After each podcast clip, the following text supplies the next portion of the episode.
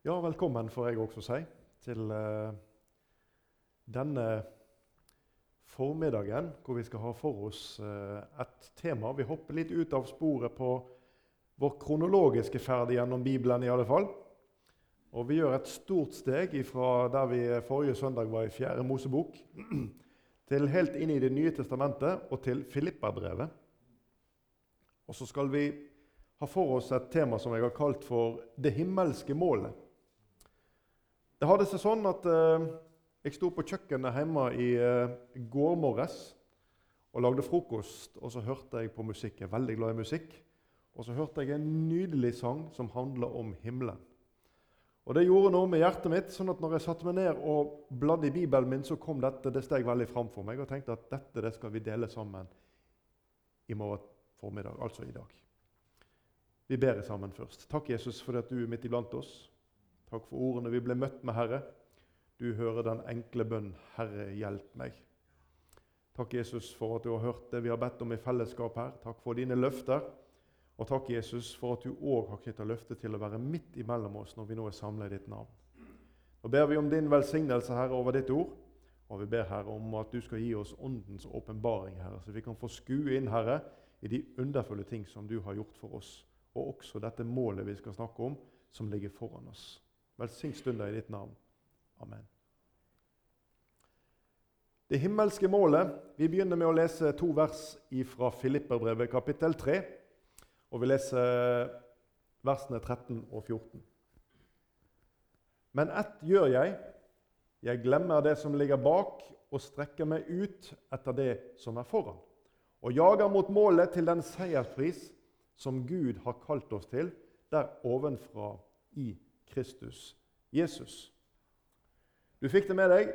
Filippa-brevet, skrevet av Paulus til menigheten i Filippi. Og han har et fokus her i disse versene som vi, om, eh, som vi leser om her. og når han skriver at ett gjør jeg. Jeg glemmer det som ligger bak, strekker meg ut etter det som ligger foran, og jager mot målet til den seierspris som Gud har kalt oss til der ovenfra i Kristus Jesus. Du, Det å være målretter det tror jeg er et ord som vi alle sammen kjenner til. Men det å være målretter det er altså det å være fokusert imot et mål, altså målbevisst. Det handler om en bevissthet. Det handler òg om en, altså en innrettelse og motivasjon for å oppnå et bestemt mål. Og Hver for seg så er disse tre elementene som jeg nå nevnte, de er avgjørende for altså måloppnåelse. Man må altså ha en bevissthet i forhold til det målet man skal nå. Man må vite hvor det er henne. De fleste av oss vi har eh, mobiltelefoner i dag og bruker gjerne Google Maps, for vi skal finne et eller annet sted, og vi vet ikke helt hvor det er henne. Og Så skriver vi inn navnet, så får vi en prikk i kartet, og så får vi noen piler og anvisning som viser oss veien dit. Vi har et mål, og vi får noen hjelpemidler for å nå det målet. Og vi må innrette oss etter disse anvisningene som dette kartet gir oss, disse pilene som dukker opp underveis, og disse beskrivelsene. For ellers så når vi ikke frem. Det hjelper ikke å få oss som er lokalkjent her oppe i krysset, og så ta til høyre hvis, nei, til venstre hvis vi skal til Kleppestø. Da må vi kjøre den andre veien. Det hjelper ikke å være på vei mot Herdla og si i sitt hjerte at jeg er på vei til Kleppestø, for det stemmer ikke med virkeligheten. Man må på en måte ha en bevissthet i forhold til det målet som en skal oppnå. Og så må en ha en motivasjon i forhold til det. Det må være noe som motiverer til å gå denne strekningen for å komme til det bestemmelsespunktet som en har bestemt seg for. Og Dette er noe av kjernen av det vi skal ha for oss her i formiddag. Dette målet som Paulus taler om her i Filipperbrevet. Og En liten refleksjon til oss. Hvis himmelen er målet til deg og meg som hører dette, hvordan er det nå med bevisstheten i forhold til det? Og hvordan innretter vi oss i livene våre i forhold til å nå det? Hvordan går det med disse beskrivelsene underveis, hvis vi skal spole tilbake igjen til bildet som jeg brukte med Google Maps eller en annen form for GPS-kart? Hvordan er det med oss? Vi har et mål som vi ønsker å nå. Er målet i bevisstheten vår, eller er det noe sånn perifert som vi bare vet som bare finnes der, og en gang i en fjern framtid blir en virkelighet? Eller er det noe som skaper en lengsel i hjertet? Er målet langt borte, eller er det noe som ligger lært til hjertet ditt? Hvordan er det med motivasjonen? Og hvordan er det altså med innrettelsen av anvisningene for å nå frem?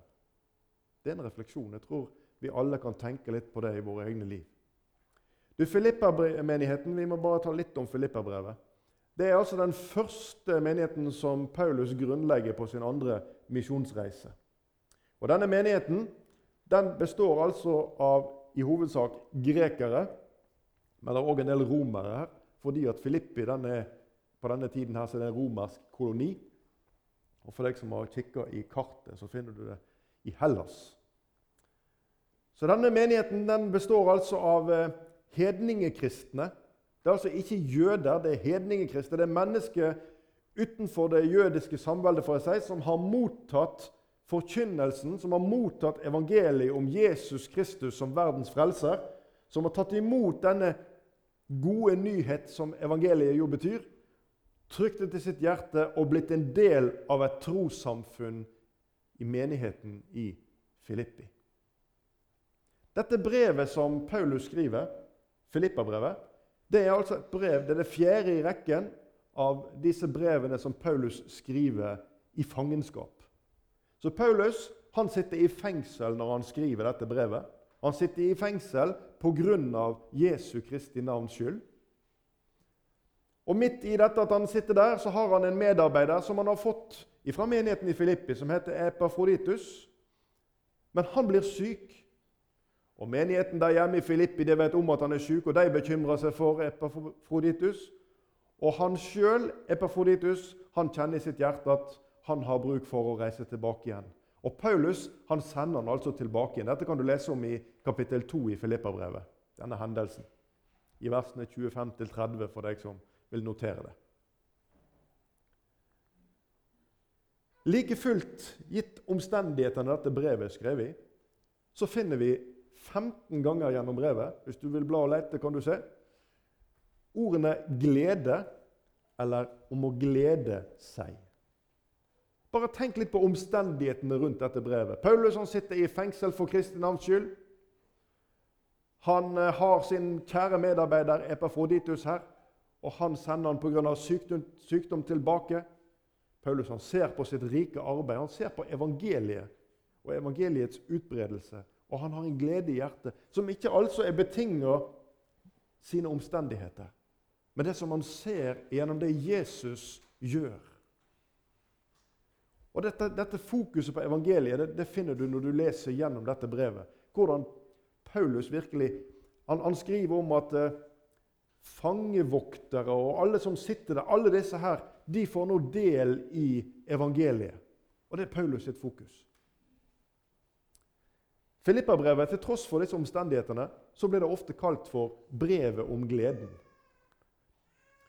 Og En bibelfortolker han har skrevet en fortolkning av Filippa-brevet. og hans Bunnlinja i fortolkningen det er dette som Paulus sier. 'Jeg er glad', også til adressaten. 'Vær også dere glade'. Vi skal lese versene i kapittel 4, vers 4-7. Og Prøv å tenke litt på konteksten her nå som vi har hatt for oss. Gled dere i Herren alltid. Igjen vil jeg si gled dere. La deres mildhet bli kjent av alle mennesker. Herren er nær. Vær ikke bekymret for noe, men la i alle ting bønneemnet deres komme fram for Gud i påkallelse og bønn med takk. Og Guds fred, som overgår all forstand, skal bevare deres hjerter og deres tanker i Kristus Jesus. Hvilket fokus Paulus har. Med disse omstendighetene, med disse utsiktene til, i forhold til sin egen fremtid, med disse begrensningene som ligger i det at han faktisk sitter i fengsel Gled dere i Herren alltid. Og ikke minst i det femte verset her Herren er nær. For et himmelfokus! For et fokus på en Jesus som er nær når, når omstendighetene bare raser i grus, og på en måte alt en, en så for seg, og hva en skulle få gjort og, og utrette. Til tross for det Herren er nær. Paulus han ser at Jesus han får virke til tross for disse tingene. Og så fryder han seg i sitt hjerte. Og Denne gleden som Paulus skriver om i Filippabrevet, det er bare vitne om et hjerte som strømmer over av noe som bare himmelen kan gjøre i et menneskes liv. Vi skal gå videre på temaet vårt, Filipperbrevet, og vi leste vers 13-14 der i kapittel 3. Paulus han sier, 'Men ett gjør jeg, jeg glemmer det som ligger bak'. Og Det som ligger bak, ja, det er det gamle livet. Det er denne verden. Paulus han har fått et nytt mål. Han, lenger, han anser ikke lenger seg selv som si, rettferdig ved loven. Han drøfter litt omkring dette gjennom Filipperbrevet. Men han har fått noe som er så mye mer verdt, så han akter alt dette andre for skrap, sier han på et sted. Han glemmer det som ligger bak. Vi kunne funnet mange paralleller i Bibelen på dette, men en av dem finner vi i første Mosebok eh, når vi leser om eh, Lots redning. Lot han flytta til Sodoma. Du husker kanskje fortellingen om, om Lot og om Abraham. og Det ble trette mellom disse som, som gjette dyrene deres om beiteområder osv. Og, så og Abraham han sa til Lot at eh, la oss skille lag. Hvis du vil dra til høyre, så skal jeg dra til venstre. Og hvis du vil dra til venstre, skal jeg dra til høyre. Lot, du kan velge. Og Lot han så utover markene og han så landområdet innover mot Sodoma og Gomorra og byene på sletten der. Og så så han det at dette var et fruktbart område, og så valgte han dette for seg. Og Så finner vi i fortellingen om Lot og gjennom dette at han flytter teltene sine nærmere byen Sodoma. Og etter hvert så finner vi at Lot han bor i byen Sodoma. Og så kommer disse englene for å utfri Lot fra denne syndens by. Denne byen som Lot var blitt glad i, denne byen som Lot hadde flytta stadig nærmere til og til slutt flytta inn i. Og Så levde Lot der, og så kjente han nok på smerten i sitt hjerte over all synden som var der inne. Men likevel så bodde Lot oppi dette. Hans svigersønner, tilkommende svigersønner var her i byen. Fikk ikke være med fordi de trodde Lot han drev gjøn med dem når han kom og sa at nå må vi flykte for Gud skal ødelegge byen. Vi leser 1. Mosebok 1917 om når englene hadde ført Lot ut. Da de nå hadde ført dem utenfor byen, sa den ene, fly for ditt liv, og se deg ikke tilbake, og stans ikke noe sted på hele sletten. Fly opp i fjellene for at du ikke skal bli revet bort. Gud måtte adskille Lot fra dette området, fra denne byen som levde i denne synda. For Lot han måtte ut av disse omstendighetene for å bevare sitt liv. Og det så Gud. Så sender Gud i sin nåde disse englene som fører Lot ut fra dette sted. Og så er Lot lydig, og det er nøkkelen. Lot er lydig og følger disse ut, og dermed blir han redda. Også i dag sender Herren sine sendebud til hjertene til mennesker som lever i denne verden. For å minne om og vise om veien bort ifra det som er synd, og som vil bli ødelagt av Gud en gang. For å berge menneskers trosliv og for å berge mennesker for himmelen. Så sender Gud sine engler, og han sender ord ved sin ånd for å veilede oss, slik at vi kan få leve i hans nærhet. I Lukas 9, 62 så svarer Jesus på et spørsmål til en mann som sier at han vil følge han. Men han vil først eh, ta farvel med familien. Det ligger mer til denne historien enn det. Men Jesus, vi leser her, Lukas 9, 62, Jesus sa til ham, 'Ingen som legger hånden sin på plogen og ser seg tilbake, er skikket for Guds rike.' Ja, det var kanskje harde ord, tenker du. Men Jesus han sier det, og i denne metaforen som brukes her, dette med plogen og såkorn, det handler om å pløye opp dette jordet og gjøre det rede for å så i det. Deretter så skal det stelles og vannes, og så skal det vokse opp noe her. Det handler om en beredelse for noe som skal skje i framtida. Og bildet det handler om at en bereder denne verdens jord til en avkastning. Til en forgjengelig avkastning, og ikke til den avkastning som Herren har til deg og meg. Den evige seiersprisen som Han har vunnet til oss, som Gud har lagt fram for oss i himmelen i Kristus Jesus. Matteus 6,33.: Søk da først Guds rike og hans rettferdighet, så skal dere få alt dette i tillegg. Det forteller oss noe om fokuset.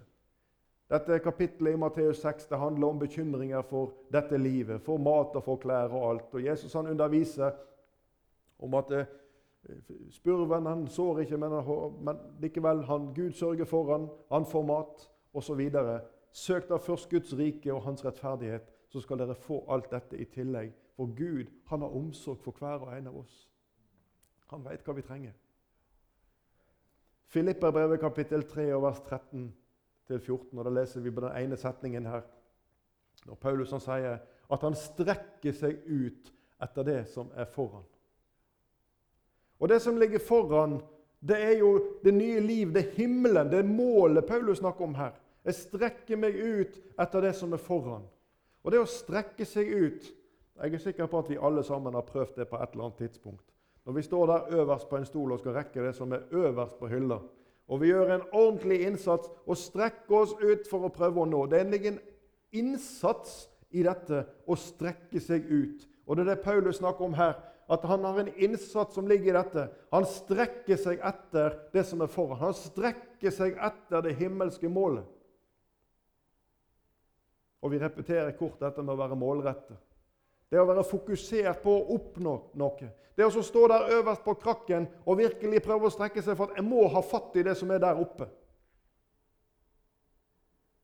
Det handler om å innrette seg. Det handler om å finne fram det som trenges for å nå. Og Jesus han har gitt oss alt det vi trenger for å nå himmelen. Han har gitt oss sitt hellige ord, og han har gitt oss veiledning og anvisninger på veien om vi bare vil bruke dem. Filipperbrevet 1,27 så sier Paulus.: Se bare til at dere lever et liv som er Kristi evangelium verdig, slik at jeg, enten jeg kommer og besøker dere eller er fraværende, kan få høre om at dere står fast i én ånd og med én sjel kjemper for troen på evangeliet. Hva er fokuset her? Paulus han snakker her om å leve et liv som er Kristi evangelium verdig. Og det er det som er referansepunktet for det som Paulus sier her. At levesettet, referansepunktet for levesettet, det er altså evangeliet.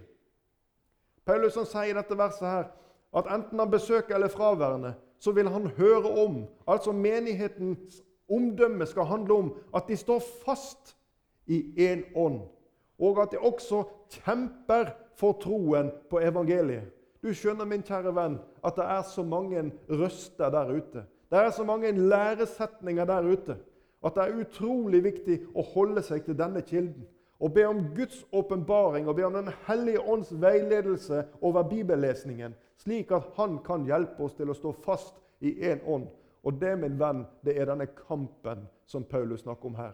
Å kjempe for troen på evangeliet. Vær forsiktig, lille øre, hva du hører, sang vi på søndagsskolen da jeg var liten.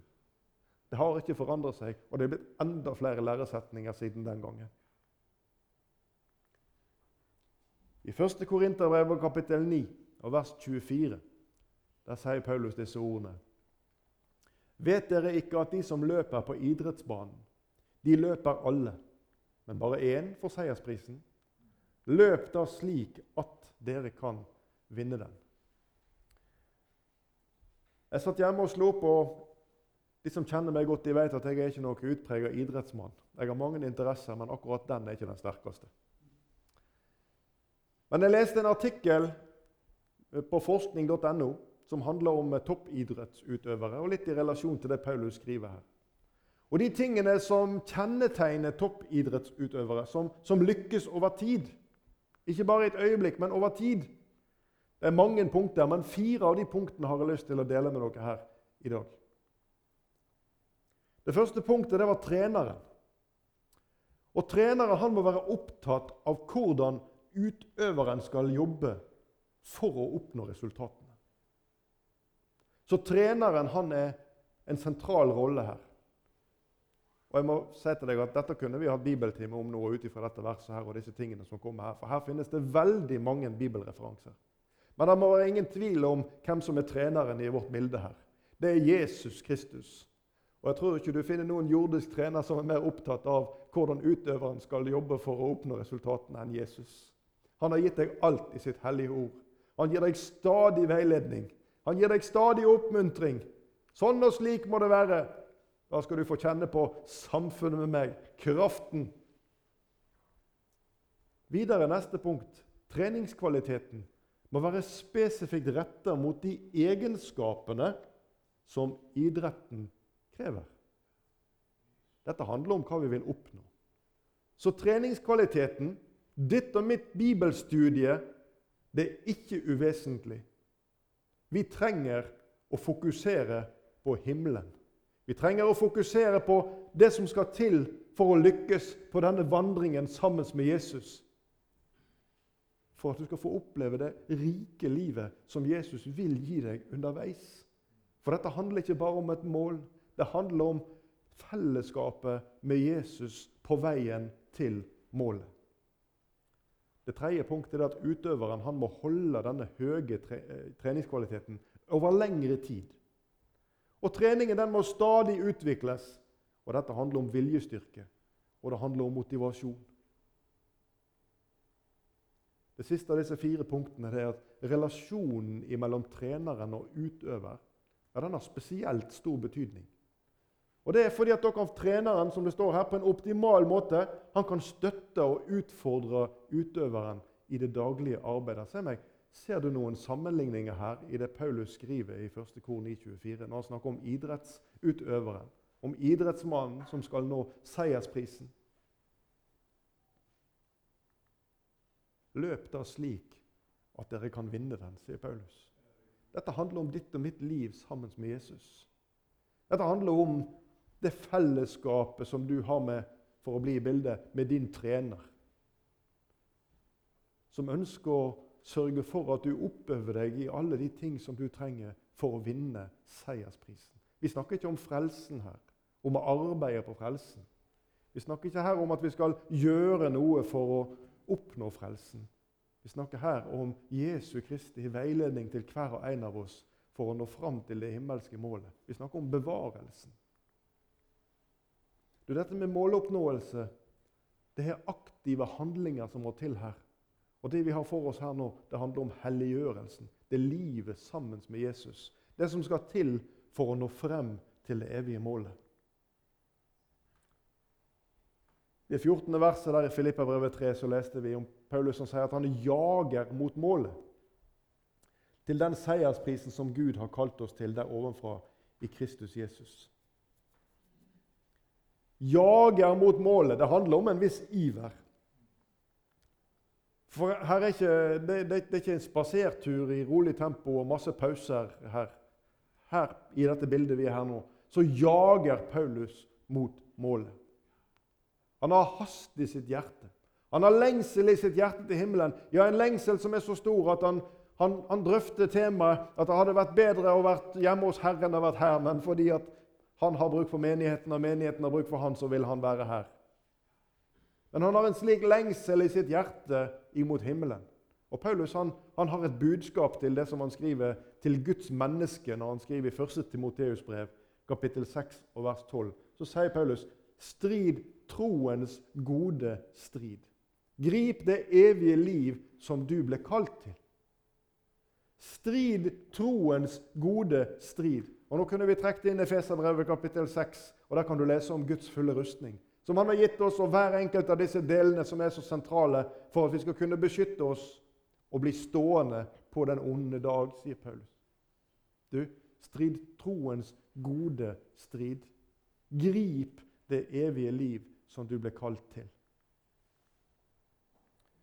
Filippabrevet, det advarer imot mange ting, og deriblant vranglære og det som Filippa-brevet omtaler som falsk frihet. Vi leser vers 18 og 19 i kapittel 3. For som jeg ofte har sagt dere, og nå igjen sier med tårer, mange vandrer som fiender av Kristi kors. De ender i fortapelsen. Deres Gud er buken, og de setter sin ære i sin skam. De trakter bare etter jordiske ting. og Nå må ikke vi glemme at adressaten for brevet her, det er menigheten i Filippi. Det Paulus tar opp her, det er harde ord. Det er harde ord å lese for mottakeren. For som ofte jeg har sagt dere, mange vandrer som fiender av Kristi kors. Hva er det Paulus tar opp her? Jo, han tar opp det som foregår av vranglære. Det var en del såkalte judaister som fantes i denne menigheten, som ikke hadde sluppet taket i loven. Og dette at gjerningenes vei og, og det å leve etter lovens bokstav det måtte komme som et tillegg til evangeliet. Og så ble det en motsetning i dette. Da ble ikke lenger frelsen fundamentert på troen på Jesus alene. Da ble det gjerningenes vei. Da forkaster vi fullkommenheten over Jesu Kristi ord når han ropte 'Det er fullbrakt'. For mer fullkomment enn det blir det ikke. Og Dette er en viktig balanse. At ikke loven må få gjøre sitt inntog i ditt liv på en slik måte at du blir levende i loviskhet og trelldom under loven. For Jesus han har kjøpt deg fri ifra lovens forbannelse. Halleluja. Og han har oppfylt alle lovens bud og krav på dine vegne. Slik at du i troen på Han ja, du, skal få, du skal få se deg, som Kolosserbrevet sier, hellig og ulastelig og ustraffelig for Guds åsyn. Efeserbrevet 2, kapittel, eh, kapittel 2, versene 8-9, kjente vers. For av nåde er dere frelst ved tro. Og dette er ikke av dere selv, det er Guds gave. Det er ikke av gjerninger for at ikke noen skal rose seg. Jesus gjorde alt. I Romerbrevet 8,5 der leser vi For de som er etter kjødet, attrår det som hører kjødet til. Men de som er etter ånden, attrår det som hører ånden til. Og Jeg vil minne om dette verset og for deg som lurte på det, Ordet attrå det handler altså om å lengte etter, eller å begjære. Og Du og jeg vi har altså to naturer, for vi lever i denne verden. Vi leser i Bibelen at vi er satt i himmelen sammen med Kristus. Og Gud ser deg og meg som har tatt imot Jesus, som jeg siterte fra Kolosserbrevet, som hellige og ulastelige og ustraffelige. Like fullt så har vi to naturer. Vi har den åndelige natur, livet med Jesus, det sjelelige. Og så lever vi her i det legemlige. Og Dette er vanskelig, for det at den delen av naturen som du velger å gi mat, den vil bli sterk. Salmisten han skriver i, kapittel, i Salme 34 og, og vers 9.: Smak og se at Herren er god. Salig er den mannen som tar sin tilflukt til ham. Det er så fort gjort å gi den feile del av disse to naturene mat. Det du og jeg trenger, det er å ha fokus på å sørge for åndelig mat til din åndelige natur, til livet sammen med Jesus. Og når du får smake og se at Herren er god, så vil du få oppleve den saligheten som salmisten skriver om her. Og det vil Jesus gi deg. Jesus han vil gi deg en sann glede. En glede som er slik som den som Paulus skriver om i Filippa-brevet. Som på tross av omstendighetene finnes der inne og gir et hjerte som strømmer over. Jeremia han skriver i kapittel 15 og vers 16.: Jeg fant dine ord, og jeg åt dem. Og hør videre. Og dine ord var til fryd for meg og til glede for mitt hjerte. For jeg er kalt ved ditt navn, Herre, herskernes Gud. Har du hatt et sånt øyeblikk over en åpen bibel? Har du fått kjent på det noen gang? Og jeg skulle ønske til Gud at du setter deg ned og folder hendene dine og ber om at dette må skje når du åpner Bibelen din. At dine ord var til fryd for meg og til glede for mitt hjerte. Til tross for alt annet. Mathias Orehemann synger når jeg med Jesus, når jeg med Jesus alene her. Ja, hva da? ja, da er det herlig når jeg er med Jesus alene her. Da er det hugnad å leve her, skriver Mathias Oheim. Johannes 14, 15, så skriver eh, evangelisten her Dersom dere elsker meg Det er jo Jesus som sier disse ordene. Dersom dere elsker meg, da holder dere fast på mine bud. Og I Romerbrevet 6,16.: Vet dere ikke at når dere byr dere fram for å lyde noen som tjenere, så er dere dermed tjenere under den som dere lyder? Dere blir enten tjenere under synden til død eller under lydigheten til rettferdighet. Og Her er det et enten-eller, ser du. Det går ikke an å leve i denne verden. Det går ikke an å leve i synden. Det går ikke an å, å prise seg lykkelig over syndens frukt og samtidig vente et levende liv sammen med Jesus. Her er det et enten-eller. Og det valget det ligger foran hver og en av oss, ikke bare én gang, men mange ganger hver dag, med alle disse fristelsene som kommer i vår vei. Moses han taler om dette, om lydighetens vei og forbannelsens vei. Om eh, velsignelsens vei som ligger under lydighetens vei. Dette kan du lese om på egen hånd i, i Mosebøkene, spesielt eh, 4. og 5. Mosebok. Om Israel og hvordan det gikk med vandringen og det stadige frafallet, og hvordan fiendene kom og plagde dem. Og, ja, alt dette det kan du lese om gjennom flere av bøkene i Det gamle testamentet kongebøkene og krønikebøkene og ja, Dommernes bok, og vi kunne nevnt mange. Her er mange bøker som omtaler denne problematikken. Israel forlot den veien som Gud hadde sagt. Og Hvis de fulgte denne veien og gjorde slik som Gud hadde sagt, og levde i hans nærhet, ja, så ville de oppleve velsignelse. Også det motsatte.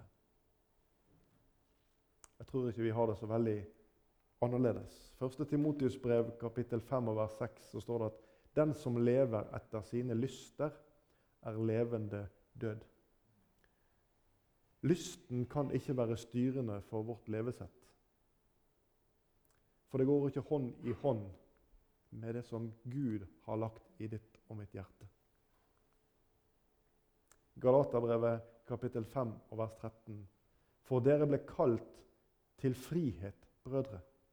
La bare ikke friheten bli et påskudd for kjødet, men tjen hverandre i kjærlighet. Hvilket fokus vil du ha? Hvordan kan du vinne denne striden vi snakker om her? Disse to naturene som står hverandre sånn imot. Paulus han skriver om dette i Romerbrevet kapittel 7. Det kan ikke vi gå inn i her i formiddag. Da blir det veldig langt møte, eller enda lengre møte. Men dette kan du lese om. Romerne 7. Dette dilemmaet. Det jeg gjør, det vil jeg ikke. Og det jeg ikke vil, det gjør jeg. Paulus han, han disse to naturene de, han klarer liksom ikke å, å, få dette til. Og Han konkluderer mot slutten hvem skal fri meg fra dette dødens legeme? Jeg ønsker å leve rett, men jeg får det ikke til. En fortvilt og en desperat setning. Hvem skal fri meg fra dette dødens legeme? Jeg er så glad for at Gud ikke skal bedømme meg ut ifra dette, men for den rettferdigheten som han tilregner meg i Jesus Kristus. For ellers så var jeg ille ute. Og svaret det finner du i Romerne 8,1. Så er det da ingen fordømmelse for den som er i Kristus Jesus. Halleluja! For deg og meg som ikke får det til. Ingen fordømmelse. Filippa brevet 3 og de versene vi begynte med her. Men ett gjør jeg. Jeg glemmer det som ligger bak, og strekker meg ut etter det som er foran. Og jager mot målet til den seiersprisen som Gud har kalt oss til der ovenfra i Kristus Jesus. Du og jeg vi trenger en situasjonsforståelse. Og det er helt avgjørende for at vi skal oppnå målet vårt, nå målet vårt. Vi trenger å forstå hvor vi er henne, og hvor vi skal henne.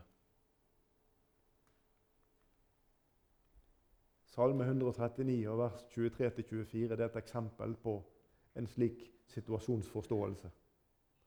Ransak meg, Gud, og kjenn mitt hjerte. Prøv meg og kjenn mine mangfoldige tanker. Se om jeg er på fortapelsens vei, og led meg på evighets vei.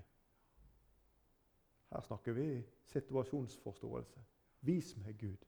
Vis meg hvor jeg står og hjelp meg, Gud. Bring meg på riktig spor, slik at jeg kan nå det målet du har utsett for meg. Her brevet, brevet kapittel 4 vers 1-2 så leser vi La oss derfor ta oss i vare, så ikke noen av dere skal vise seg å være blitt liggende etter. For løftet om å komme inn til hans hvile gjelder ennå. For det glade budskap er blitt forkynt for oss, like som for dem.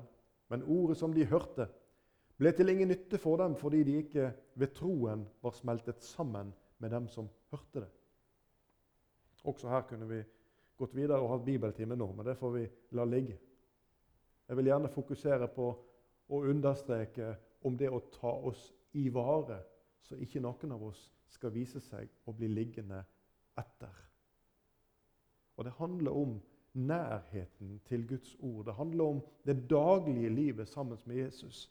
Det handler om å invitere Jesus inn på ordentlig i livet. Når vi begynte dette møtet, så sang vi denne sangen 'Den vanskeligste bønnen'. Å be med ærlig sinn 'La din vilje skje'.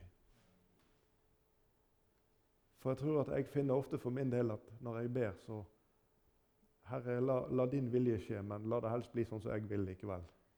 Det er liksom bunn ærlig.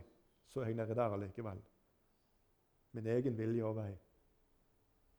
Men det å åpne Bibelen og be Herre, la din vilje skje i mitt liv. La din vei bli synlig for mitt hjerte. Hvis jeg har gått feil, Herre, så vis meg og led meg på evighetens vei.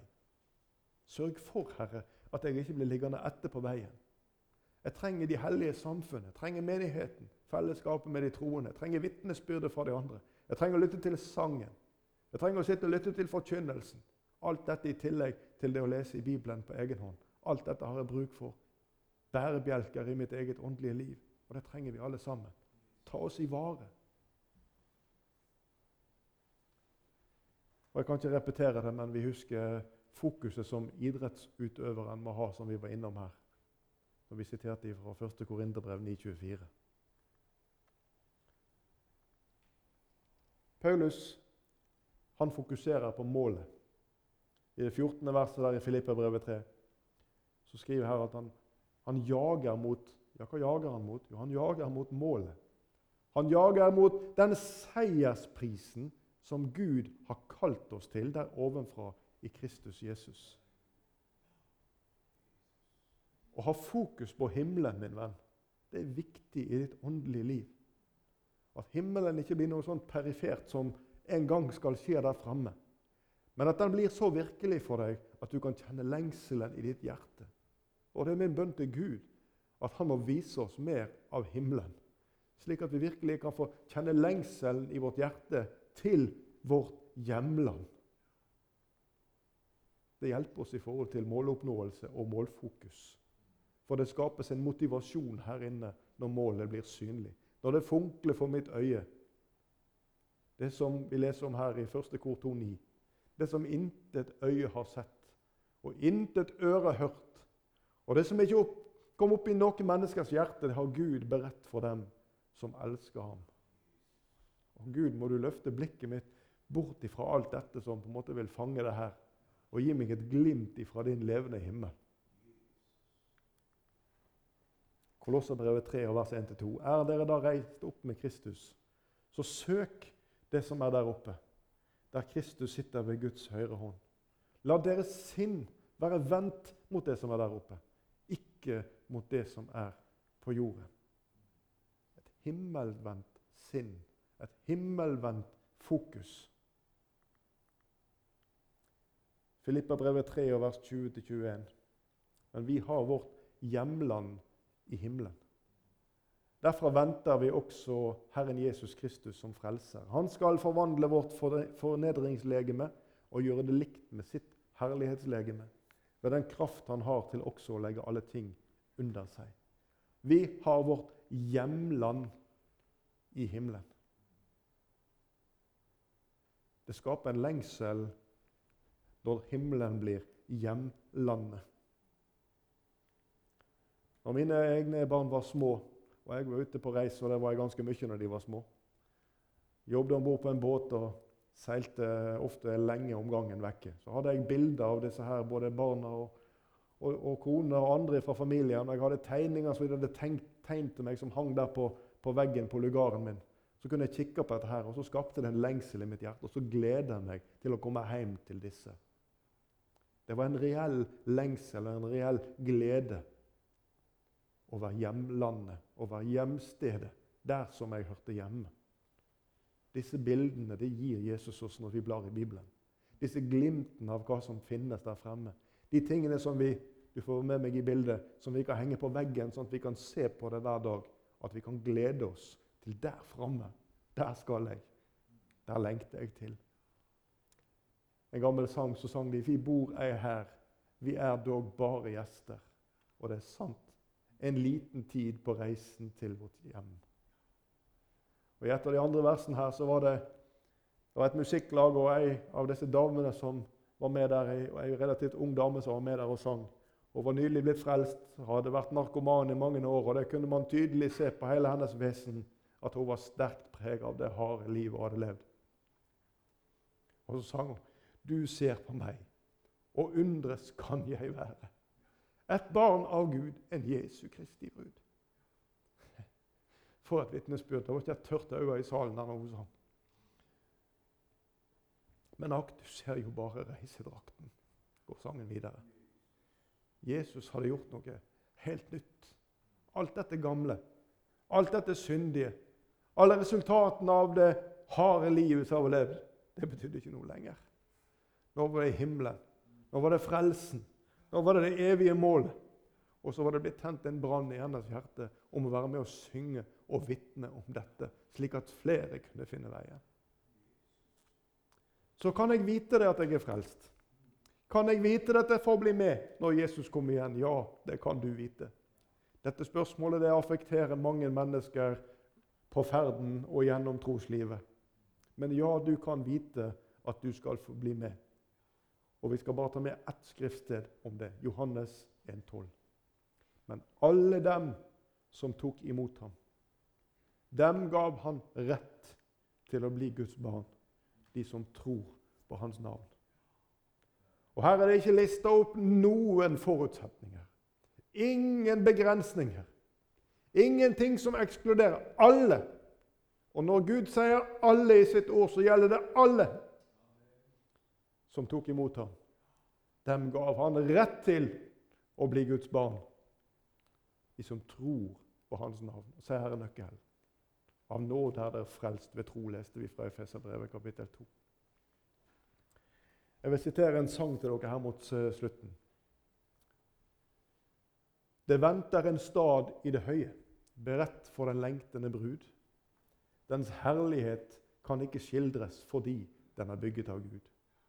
Så ofte på staden jeg tenker, og snart får jeg flytte dit inn, der freden og gleden for evig skal fylle mitt hjerte og sinn. Guds herlighet opplyser staden, og natten er evig forbi rettferdighet alltid skal herske, og prøver, fra prøver og sorg er vi fri. Guds tjenere samles om tronen, i hellig tilbedelse står, og priser Gud Fader og Sønnen. Tenk snart dette hjemland er nå. Når såret av torner og tistler jeg fristet og anfektet går, da tanken på staden meg trøster og lindrer de sviende sår der livstreets blad springer helse, til hver som ble prøvd her på jord. All sykdom og smerte er borte, i endeløs glede i bor. Og så er det refrenget. Himmelske hjemland, opplyst av Herren, og hvor det lokker med hvile og trøst. Snart vil du komme, Jesus min frelser. Kom, la meg høre din kallende røst. Halleluja, Herre. Snart, Herre, meget snart, så er den dagen her. Da røsten lyder fra himmelen, og når bruden skal stige opp her på skyen og møte deg sammen med de hellige. Halleluja, Herre. Må du hjelpe oss, må du vise oss, Herre, dette målet som du har gjort rede for oss denne seiersprisen som vi har lest om her i fellesskap i dag. Hjelp oss, Herre, at vi blir Herre, som denne idrettsutøveren som Paulus refererer til. At vi, Herre, er i stadig forberedelse. At vi lever våre liv, Herre, ditt evangelium verdig. Og at vi kjemper, Herre, ja, strekker oss, Herre, og jager mot det målet som du har beredt for oss. Hjelp oss å ha fokus, Herre, på vandringen, slik at vi alle kan nå fram ved din nåde. Amen.